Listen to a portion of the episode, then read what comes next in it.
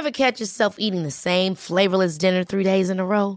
Dreaming of something better? Well, HelloFresh is your guilt free dream come true, baby. It's me, Keke Palmer.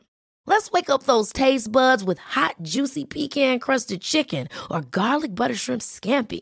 Mm. Hello Fresh. Stop dreaming of all the delicious possibilities and dig in at HelloFresh.com. Let's get this dinner party started.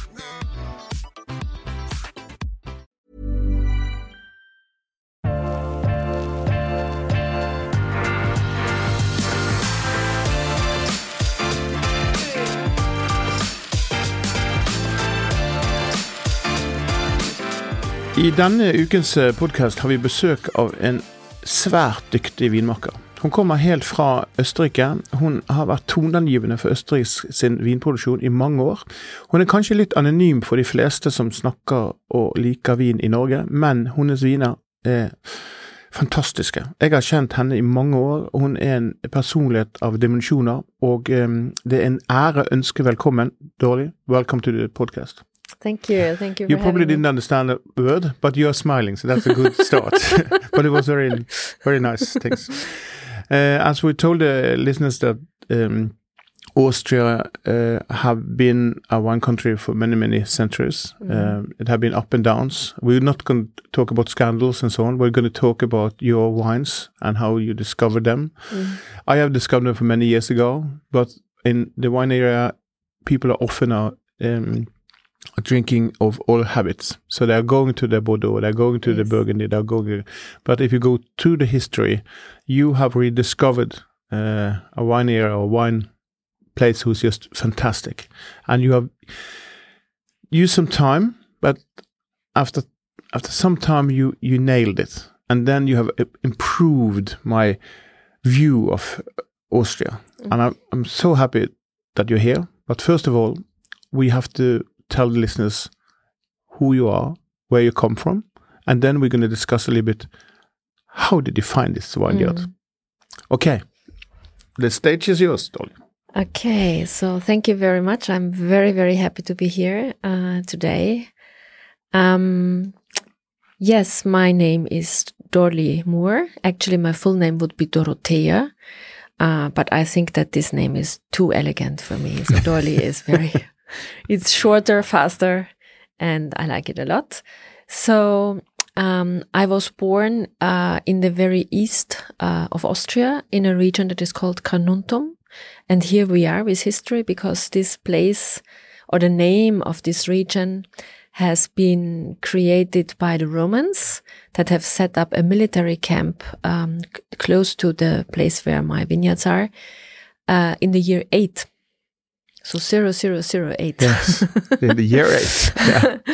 and uh, it uh, it is uh, close to the Danube, south of the Danube, but, but really at the Danube border. And um, they set up that camp to um, protect uh, the uh, the border um, of the Roman Empire against the bad people from the north. yeah, of course, the Norwegian or the Vikings. Whoever Yeah. was north of Yeah. Danube then. Yeah. And uh, it was meant to be a winter camp, but it uh, happened to become a, a military city and later a civil city that had in the first century 70,000 inhabitants. So it was a big and very important city of the Roman Empire. At the time, it was as large as um, Paris or London.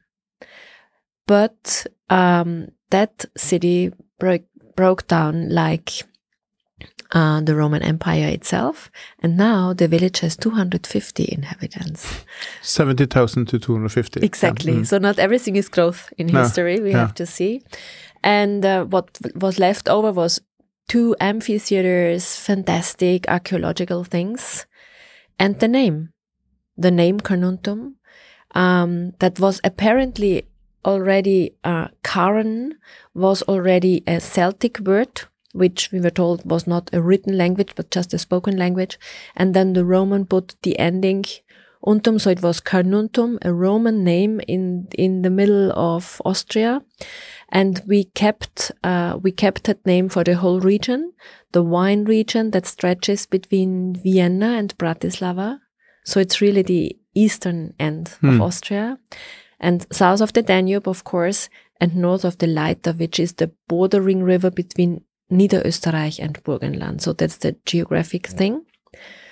And what is interesting in uh, in climate is that in the region of Carnuntum you have um, two um, mountain chains ending or starting, depending on how you look at it, which is the Alps on one side and the Carpathians on the other side. And between those two mountain ranges that go through all of Europe, all of continental Europe, Hmm. there is only one um, corridor Yeah. Which where the where there is no barrier from the south to the to the north and that's exactly where we are where the alps end and the carpathians start and there is about 20 kilometers like a corridor in between and that corridor believe me is used by the wind all Yeah. the time Yeah. See, it's a windy place. it's a windy Yeah, yeah. place But that's So- a, that's also a positive factor. Uh, it's it's always um because, because it's, it's it's hot sometimes. Also. Yes. Yeah. it's you know positive and negative it's always uh, how, how you look at it. Hmm. for for wine growing it is most of the time positive because it dries down every little drop of water that we get. So we have usually we have very little um, infections in the vineyards and that's why organic viticulture was very easy when i started it. I didn't know whether it would work but it's very easy actually i must say the other thing is that this wind that usually comes from east southeast and then enters to the Danube Valley,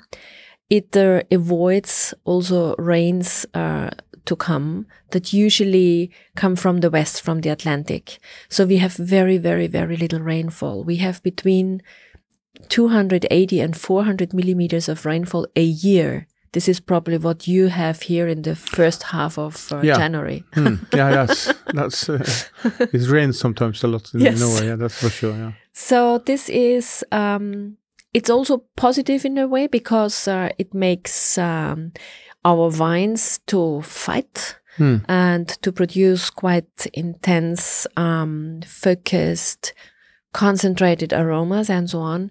But uh, economically, on the other side, of course, it's uh, it's a challenge because we have very very low yields, Hmm. and um, so yes, I of course, as I'm more interested in quality, I'm happy with the wins. because the, this project, when you entered the the vineyards, you ha- you are related to family to the area. Uh, you are related also that this was a project who was not commercial thoughts. It was just a legacy who have to take care of you uh, from your uh, well, grand- Grandmother. well, grandmother. yeah, Yes. no.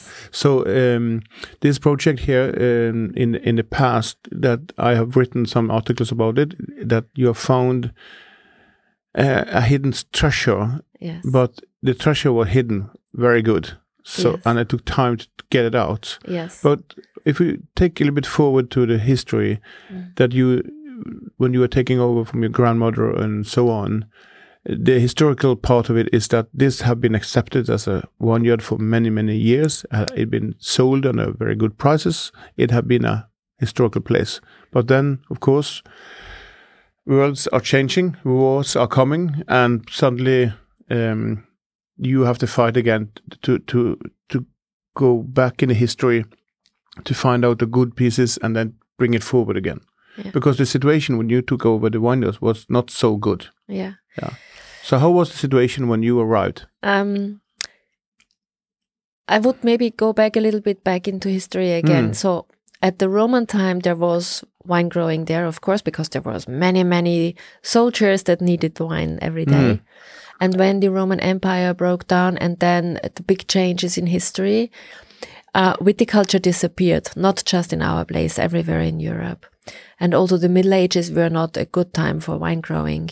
And uh, much later, uh, um, uh, wine growing restarted in uh, in Europe, but in our region quite late. And um, what is uh, very special mm, in our region is that we kept mixed farming for a very long time. I mean, this is something that was usual in every place where you grew wine, that you had a farm uh, that was producing food, cereals, vegetable, everything that you needed for living. And then in the poorest places of that farm where nothing else would grow anymore, you would plant some vines.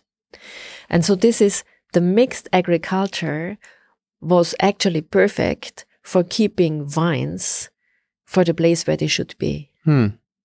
And then later in history, in some places, wine become a became a, a, a, an economically interesting product. And so monoculture started. And this is how you can see nowadays in many regions of the Hmm. world, thousands of hectares planted with vines. It is beautiful to look at it, but actually it's less sustainable Hmm. than if you have a mixed agriculture. And if you look now into like biodynamic farming, those farmers go back to the old principle of a cycle of production that you have animals, that you have plants, that you have wine, that you that you use the rest, the leftovers of everything Hmm. in your own farm. So I think we see a big shift uh, in uh, very modern agriculture to a very old system, to a very old tradition. Hmm. So in our region of Carnuntum, we still have most of the producers do mixed farming. So that was a way how to survive because wine was not so fashionable and not such a big business Hmm. in the in the last five um, uh, or in the last hundred years. Yeah. So that's um, that's why people still have their sugar beet and their cereals and their corn, and then on the highest place, which is in our case 300, 350 Yeah. meters, Yeah. they keep the vineyards because there nothing else grows.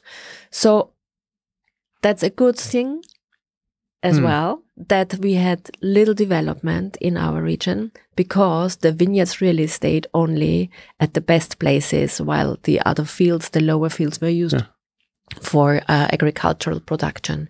So when I came there, uh, And and which time do we yes okay we are? I my my grandmother lived. Um, um, she was born in 18, ni- 1896, Yeah. and she lived as a child and a young uh, a girl. She lived with her aunt in this village called Prellenkirchen, because in her family there were too many children, so her aunt took one. And she loved uh, that place, and she had very, very good souvenirs and good friends there. But in 1918, so this was uh, the end of World War One, she moved back to her original village, which is called Rohrau. it's not far away; it's ten kilometers, but it was a long distance then. Hmm. Rohrau actually is the place where Joseph and Michael Haydn, the two composers, were Ah, born. So we have historic things everywhere and culture and so on. So she moved back to Rohrau. She married there a, a, a gentleman called Muhr, of course. And her aunt, to thank her for the time that she lived with her and that she worked with her on the farm, gave her as a wedding gift a tiny piece of vineyard on the Roterd. Hmm. It was 0.17 hectares of vines. And uh, of course, then there were no tractors or cars. So when my grandmother or later my father had to work that vineyard, they went there by horse and they did the work. And it was really a thing, 10 kilometers, you know. Yeah. So it was something like a satellite of my family's farm, but it was the beautiful satellite. It was like always when we went there, I was a little child. It was like a something like a holiday. And the village where we lived is very, very flat next to a river. And when we came there, to me, that was okay, that's the mountains. The mountains, 300 meters. It was 300 meters high. And to me, that was a mountain. It was much later that I, uh, that I uh, discovered there is but, also but the wine that was produced at that time was was not exported. It was locally or Oh sold. no, or- it was completely. Usually, it was most of the wine was just used for a drink at home, yeah. or maybe at a Heurigen. You know, that's the these Yeah. places where you can buy a glass of wine and some bread. But that was the maximum. Hmm. Usually, like in the case of my family, my father had like five tiny barrels in a in a small cellar in our house, and he would invite his friends maybe Yeah. 10 times a year and the barrels were empty. Oh, So that's A uh, big that, that was exactly Okay. that was the thing. And I I I it, it was mostly white wine. Hmm. We had very little red wine grapes there, so but it was mixed plantings like Hmm. like everywhere. It was more by you know it was the, we didn't the, the people didn't have a strategy or a system or whatever. It was a drink. Hmm. And I remember very well we had um, we had to work a lot in the fields in our farm, and my parents always in the hot summer days when they had to work out there, they took with them a big bottle of water and put in some drops of wine Yeah. just to give it a little bit of acidity and which is much better against thirst. yeah. So it was really a drink. It Yeah. was a commodity. It was a daily drink, mostly mixed with water, not sparkling water at the time. Yeah. And it was much later when I I studied languages, um, French and Spanish, to become an interpreter. And with a friend of mine, I did a, a tour through France. We went to the Loire Valley and to Bordeaux, and later we went to Rioja. And I, I, I was his company as a translator, and I was so impressed by the different approach that those people had on wine because they discussed about wine. They told things about wine. They compared wines.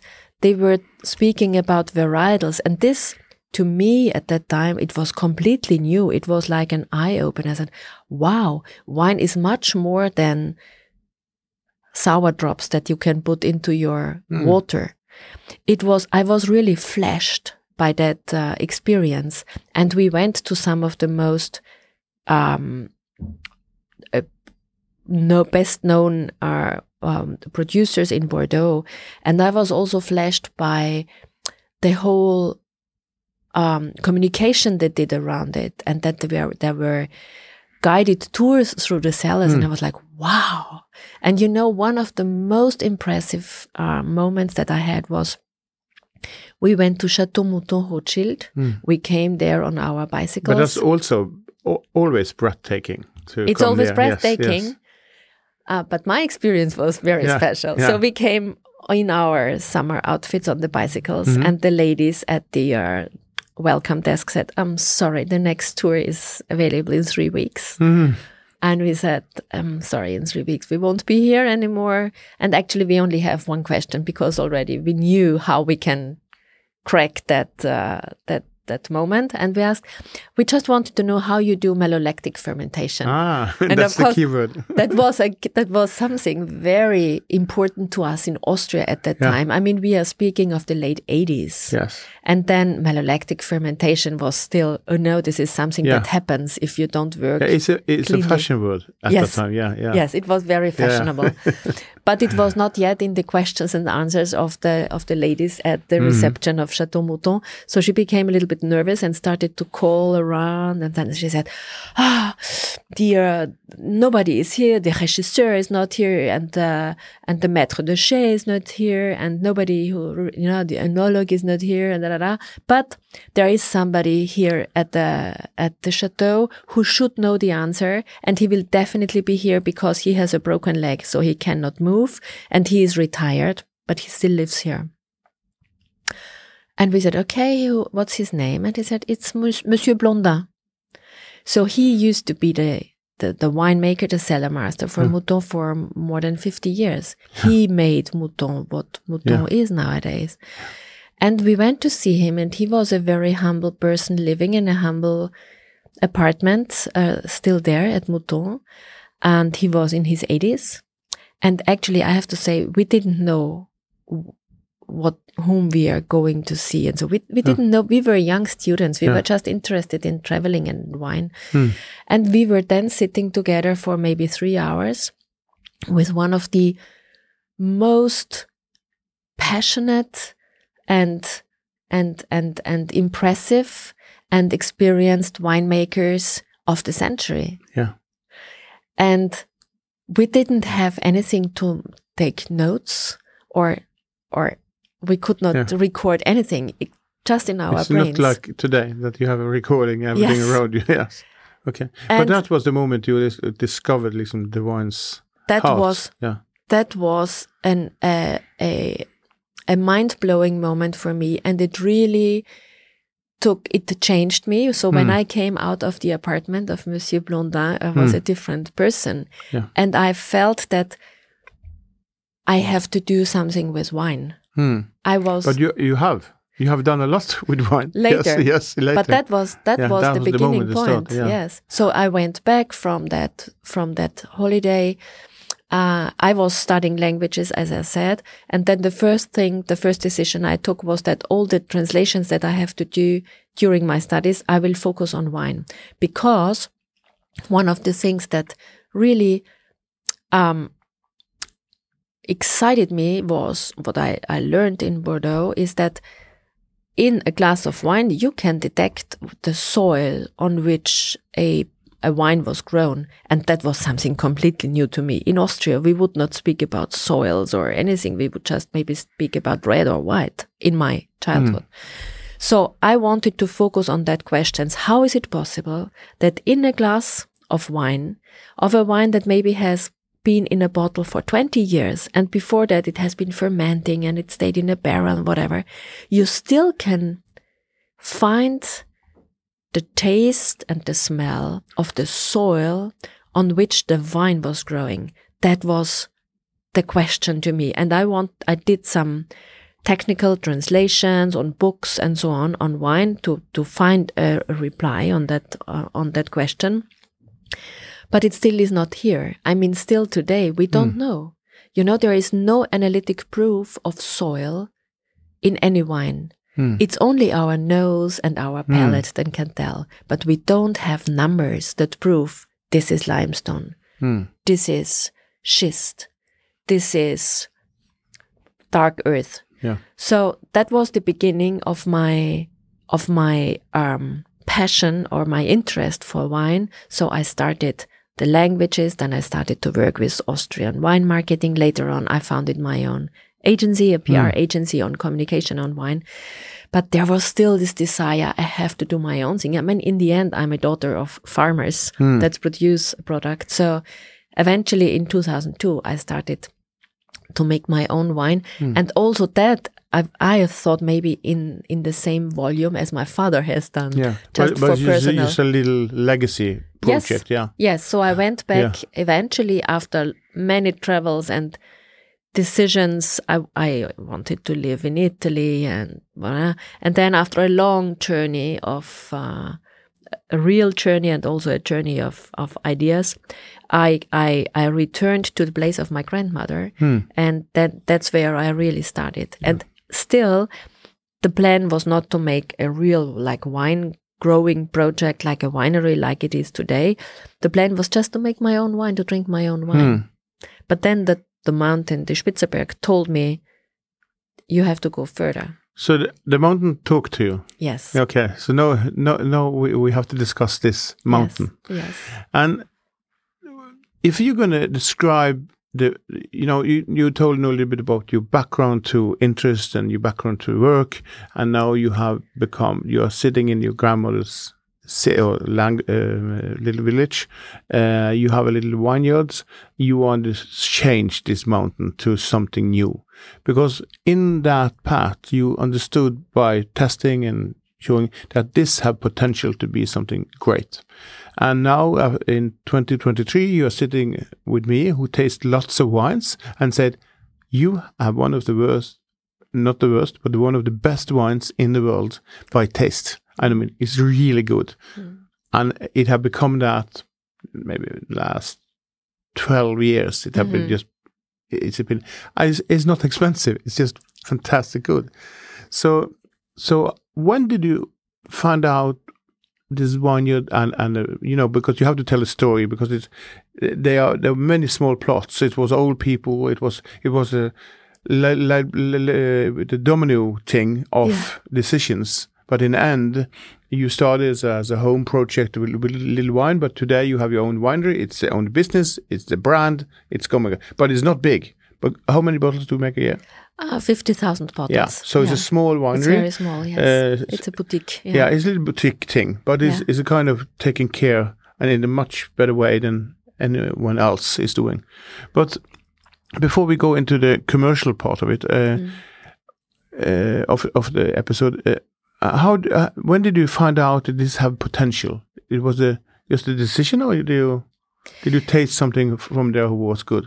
Mm, well, in the beginning, um, it was like I said, an emotional thing. I wanted to make my own wine, and um, I didn't know which is the right way. I did not know really what is the potential of the mountain. So I, I went to see farmers that were there, and I tried some old Blaufränkisch. At the time, it was maybe twenty years old or so, and I said, okay this is good. It has character. It's maybe not, it was not uh, limited uh, yield and it was not fantastic winemaking and it was, you know, big bottles and so on. But there is a character. There is a very specific character that I really like. And it's this freshness and this elegance. I call it a, a, a, vertical uh, character. So it's not heavy and bold and you know but it's it's it's taking you up and that was a character that you could detect even in those very simple very cheap Mm. uh, wines that were made without great knowledge without studying anything before so yeah maybe that was like giving me an idea that that that could be really really good and really interesting. So i started in 2002 with the first grapes which was not really great. 2003 i must say was uh this first really hot vintage that we had. And we picked on the 10th of september which was or maybe it was 17 i don't remember in Hmm. 2003 whether it was 10 or 17 but it's just one week and usually in the old times, the start of picking Blaufränkisch on the Spitzerberg was not before 26th of October. So late. Yes. Okay. So it was really revolutionary. Hmm. And everybody around would say, crazy. But you want to keep the acidity. The acidity, and the acidity not because of the acidity, but the acidity because it's part of this freshness of this vertical uh, character of the wine. Hmm. and it was um the 2003 was i think it was completely correct that we started picking early. Uh 2004 was a cooler vintage. Hmm. and i remember that i was speaking still at the agency as well when i was communicating about 2003 and 2004 and I said, wow, 2004 is so good.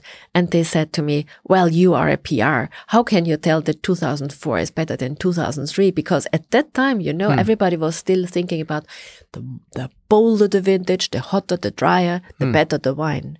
Oh. And now I think we really, everybody now starts rethinking and changing the, um, the perspective that, uh, after 20 years, it's really 20 years ago, Yeah. we have learned that um, the climate has changed so fast and that we have to reconsider what we call a big year and what we call Yeah. a, a small year or a tiny year. And I still like 2004. But do you think uh, the climate change uh, have been positive in a way that because I know if you have 50,000, 60,000 bottles a year, you can change fast. You know, you can go Yeah. in that direction and so on. It's it's not big facilities as uh, Yes. as many modern making, but uh, but if you see to the for the quality you have when you started until today, with your own words, what happened? What happened? Um, I think nobody could say that climate change is a good thing. Oh. I mean, we Yeah. don't we don't like it, and Yeah. we know that we have big challenges and big risks for the whole world. But in in very specific places, there is maybe some advantages, and I would say that Carnuntum and especially our place, we profit still from climate change because since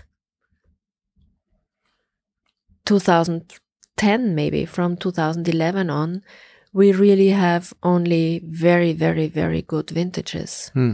so in the old times we would maybe have two great vintages in Yeah. 10 and now it's nearly everyone it's not Yeah. it's not every not everyone is great No. or very very great but everyone is very good. But it's over average. It's, it's You have always- But that's the positive part of it. Yes. For the moment, yeah. you you Mm. have always a good income because in the old times you would have years with no income because it was too cold or too rainy and there were no grapes or they were not mature. But now uh, every year we have a very very good quality of grapes, and this is maybe also one of the reasons why the region of Carnuntum has become more important uh, or has become more uh, uh, uh, become a better quality perception because of the climate change. Of course, also because we do things differently. We, Yeah. we pay more attention to details. We like the freshness and so on. We do better work in the vineyards. We do better work in the cellars. But the best work in the vineyard in the cellars can't make a great wine if the climate is not good and if the soil is not the best. That's the beginning So- of everything. So that's what what, what I mean when you rediscover or finding a new uh, spot for vineyards that we have to be open. That many areas around the world, including yours, are coming up and showing Yes. because of climate. Yeah. For the moment, it's serious. it- It's it's go, going higher, but for the moment, it is a positive thing.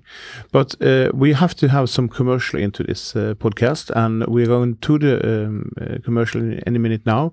But after the commercial, we're going to have a talk about the wines uh, who are here, and it smells wonderful. I'll, it's too late in the uh, on the day to drink wine. Maybe it's now uh, a little over ten, so it's um, it's good. It's a good day, summer day in Norway. But we'll be back in a minute, um, and we will talk about these fantastic wines of uh. And then we are back from a commercial, and uh, we're gonna. How, how uh, do you have wine cabinets at home? You mean like our, yeah, fridge or uh, at home. uh, an arch an archive of uh, Yeah, no, of I mean, um, w- in, in your kitchen, do you have your wine wine cabinets? um, I Or- have uh, um, I have an apartment in Vienna Mhm. where I live when I work with the agency, and I have another one in in the place Mhm. where I where I grow the wines, and I have wine everywhere Yeah, all the time. yeah, um, and I um, I like uh, to taste uh, older vintages Hmm. because I think that our wines really need time, and so it's good that you sometimes forget about some bottles. yeah, and have it stored properly. That's good to hear. Yes, Yeah. definitely. But uh, we are now um, back uh, after the commercial, and we have to taste some wines. So, could you please explain what kind of style your wines are, and where would you like to place them to other areas? You know, Mm. it's not a Malbec. You know, it's it's not a, you know it's not a Sauternes. So, if you want to place it, Mm. where do we place the, your wines? Yeah. Okay. If um, first of all, it's red wines. Yeah. and it's made from a varietal called Blaufränkisch. And this Blaufränkisch is a fantastic grape that you can find only in uh, Central Europe under different names in different places. And it's uh, most interesting in a very dry and very continental climate because it has a, a beautiful acidity as a as a varietal that uh, is um, supported when you have like cold nights or cold winters. And um, if you if you don't know the grape Blaufränkisch, you may consider that a great great great cousin of Blaufränkisch is Pinot Noir. Yeah. So there is some familiarity in that um, light-footedness Hmm. that Pinot has. So if you if you make two big families in red wines, I would say one is the, the Pinot and one is the uh, the Cabernet style Yeah. maybe. So this definitely goes more in the uh, in the Pinot uh, family style. Uh, but it has, um, if you compare it to Pinot Noir, it has probably a little bit a different fruit. It's maybe more on the spicy side. Yeah. Um, It have a little bit darker fruit. I have tested the wines now when you're talking, so Mhm. it have a little bit darker fruit. So uh, the ones are like a Pinot Noir with a little bit uh, stronger mouth feeling, uh, Mhm. the, um, and and it's um, it's very food friendly. The acidity is fantastic, long lasting, always, uh, and uh, but then uh, it's always coming in. Even if this is 2019 vintage, both of them. The elegance, and where do you place the word elegance in the Yes. wines? Well, I would say uh, uh, coming back to Pinot Noir definitely is a one part of it, and I would maybe combine it with a little bit of Italian grapes, maybe some Nebbiolo or or even some Sangiovese, or in my case maybe even some Syrah. You know this. Um, this fullness of Syrah. So if you mix those grapes together, that's probably the style that the Blaufränkisch shows. And then another thing that is um, very interesting with this grape is that it it can reflect 100% where it has been growing the soil so and this is as i said earlier this is the big question of my life how is it possible that we can taste and smell soil But if, we, if you take the first wine, Yes. uh, which one would you like to start with to taste? I would like to start with the village wine Prellenkirchen that has the subtitle Samt and Seide. And um, so here, um, I think the the elegance that you have been uh, quoting is also given by the name or, uh, or or or or highlighted by the name because Samt and Seide means velvet and silk. So Summit and Silte, or what is it? yeah, yeah, that's true. Yeah, Summit and yeah, Silte. yeah. So it's two textures uh, because I'm not so interested in the in the the quality of aroma. This is No. going away. Yeah. But what I'm really looking into a wine is the texture on the palate, Yeah. and I like that it is um, fine but dense. I mean, with Hmm. dense, I mean not heavy, but like silk. Silk is is very dense. You can use it um, for many things, um, but it's very light-footed, and I think silkiness is the best character or the that in in a great red wine this is what I'll really look for. And um and summit the velvet is something that comes more in from young vines. Hmm. and real silkiness honestly real silkiness you can only get from old vines. We're having discussions a lot of discussions with producers and some people say there is no difference bes- between old and young vines and it's stupid but I can tell because I have vines that are three years old and I have vines that are nearly 80 years old. And it's incredible. You can, you cannot create silkiness in the cellar. You can only destroy it, but you can, but the creation is made by old vines. Yeah. And here in that, uh, in that wine, in that uh, Prellenkirchen, Samt and Seide, it's a blend of Blaufränkisch from older and younger vineyards. So you have both Yeah. textures. And I think this is what makes this wine very um very full and it has a lot of layers that evolve while you are drinking or while you have it in the glass because of these different ages. It's like a it's like a work of generations. It's like a family. You have different kinds of wisdom and different kinds of beautiness. I usually say it's very interesting to look uh, into the face or the body of a young man. But if you want to have an intellectual discussion, maybe you have to wait some years. and this is, So, so this is your approach to men. yes. Yeah, It's nice to look one is when to they're look young. and the other one is to speak. Exactly. That's fantastic, Dorli. so that's the first time I heard. Okay, so then and, and okay. that's what you have in that wine. You have both. You have the beauty of youth, Hmm. and you have the wisdom and the Yeah. uh, and the serenity of Yeah. uh, of age.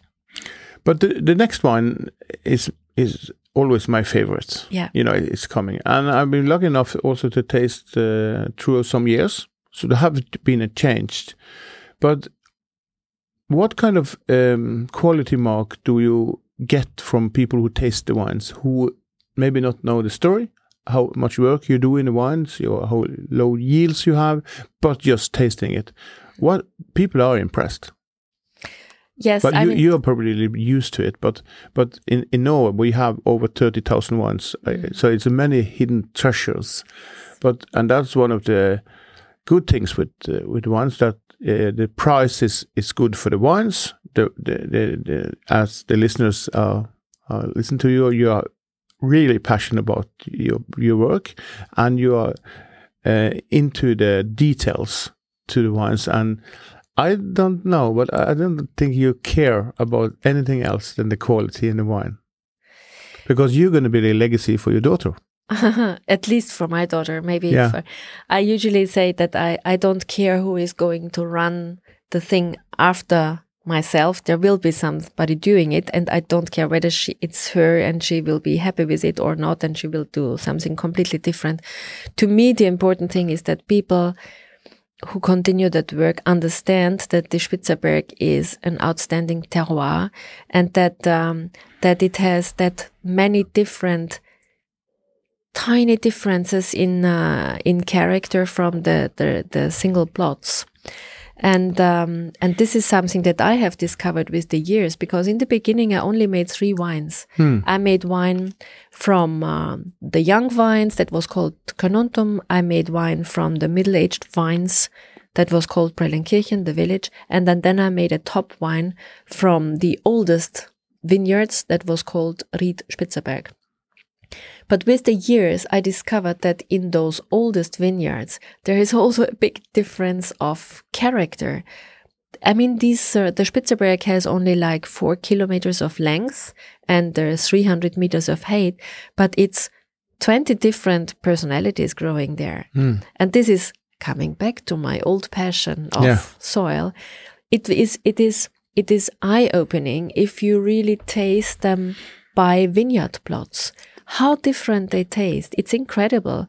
And I, I, I usually I was forced to blend them because by law we were it's it's a long story we were not allowed to do it and only from 2019 i got the permission that i could bottle it separately yet using for all the name of Ried Spitzerberg and the name of the sub vineyard and when you taste those uh, vineyards next to each other you understand completely that what we do is just you know we try to bring the the grape of a, of a specific year into the bottle and try to to keep it the best way as we can. But it is a result of millions of years hmm. of geological history dramatic things have happened there. Hmm. You go through the landscape of Carnuntum and you think okay it's a little bit boring. But hmm. i mean the dramas are in hmm. the soil because Yeah. things have been happening there. And you look at it from the top and the soil looks quite identical and the taste is very very different because of the things that have happened Millions, and yeah. down there. And the older the vines are the deeper the roots are and the more they can tell about the long history of the soil. So we can expect more more wines from you because you're finding a new plot here, new finding, and then you have to make it, and it, it is allocation is small. But I can assure you, uh, all the listeners of this podcast, and even if Dorli Muhr is a humble and very knowledgeable winemaker, uh, it's one of the best buys you can do for the moment in the Norwegian market, and it will be that in the future, because um, she is on the on, when this is going on, she is on holiday here in in in uh, Norway. You can meet her somewhere. You you will recognize her quite easily because she's gonna taste wines and oysters, and I'm give, gonna give you a good place to eat oysters. We have the same uh, passion for that.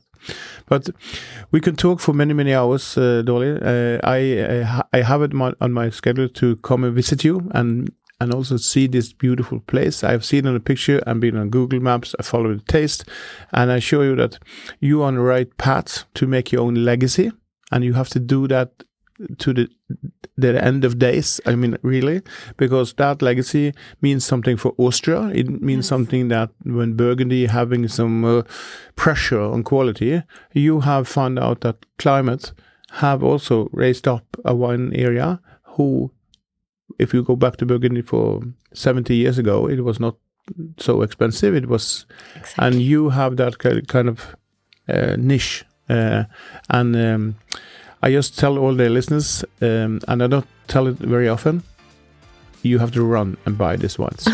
and thank you for the visit, Dorli. And uh, so happy to be here with you. And uh, cheers. thank you very much thank you for having me Yes.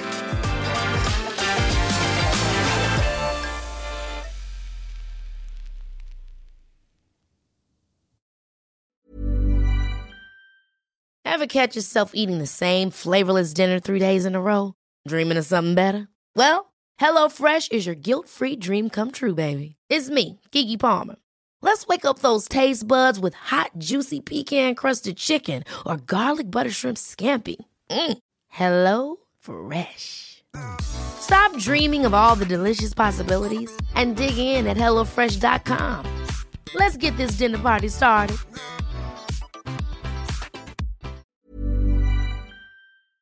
Ukens vindtips med Svein er en Finansavisen-podkast. Programleder er Svein Lindin, produsent er Lars Brenden Skram, og podkast- og videoansvarlig er Marius Mørk Larsen. Ansvarlig redaktør er Trygve Hegdar.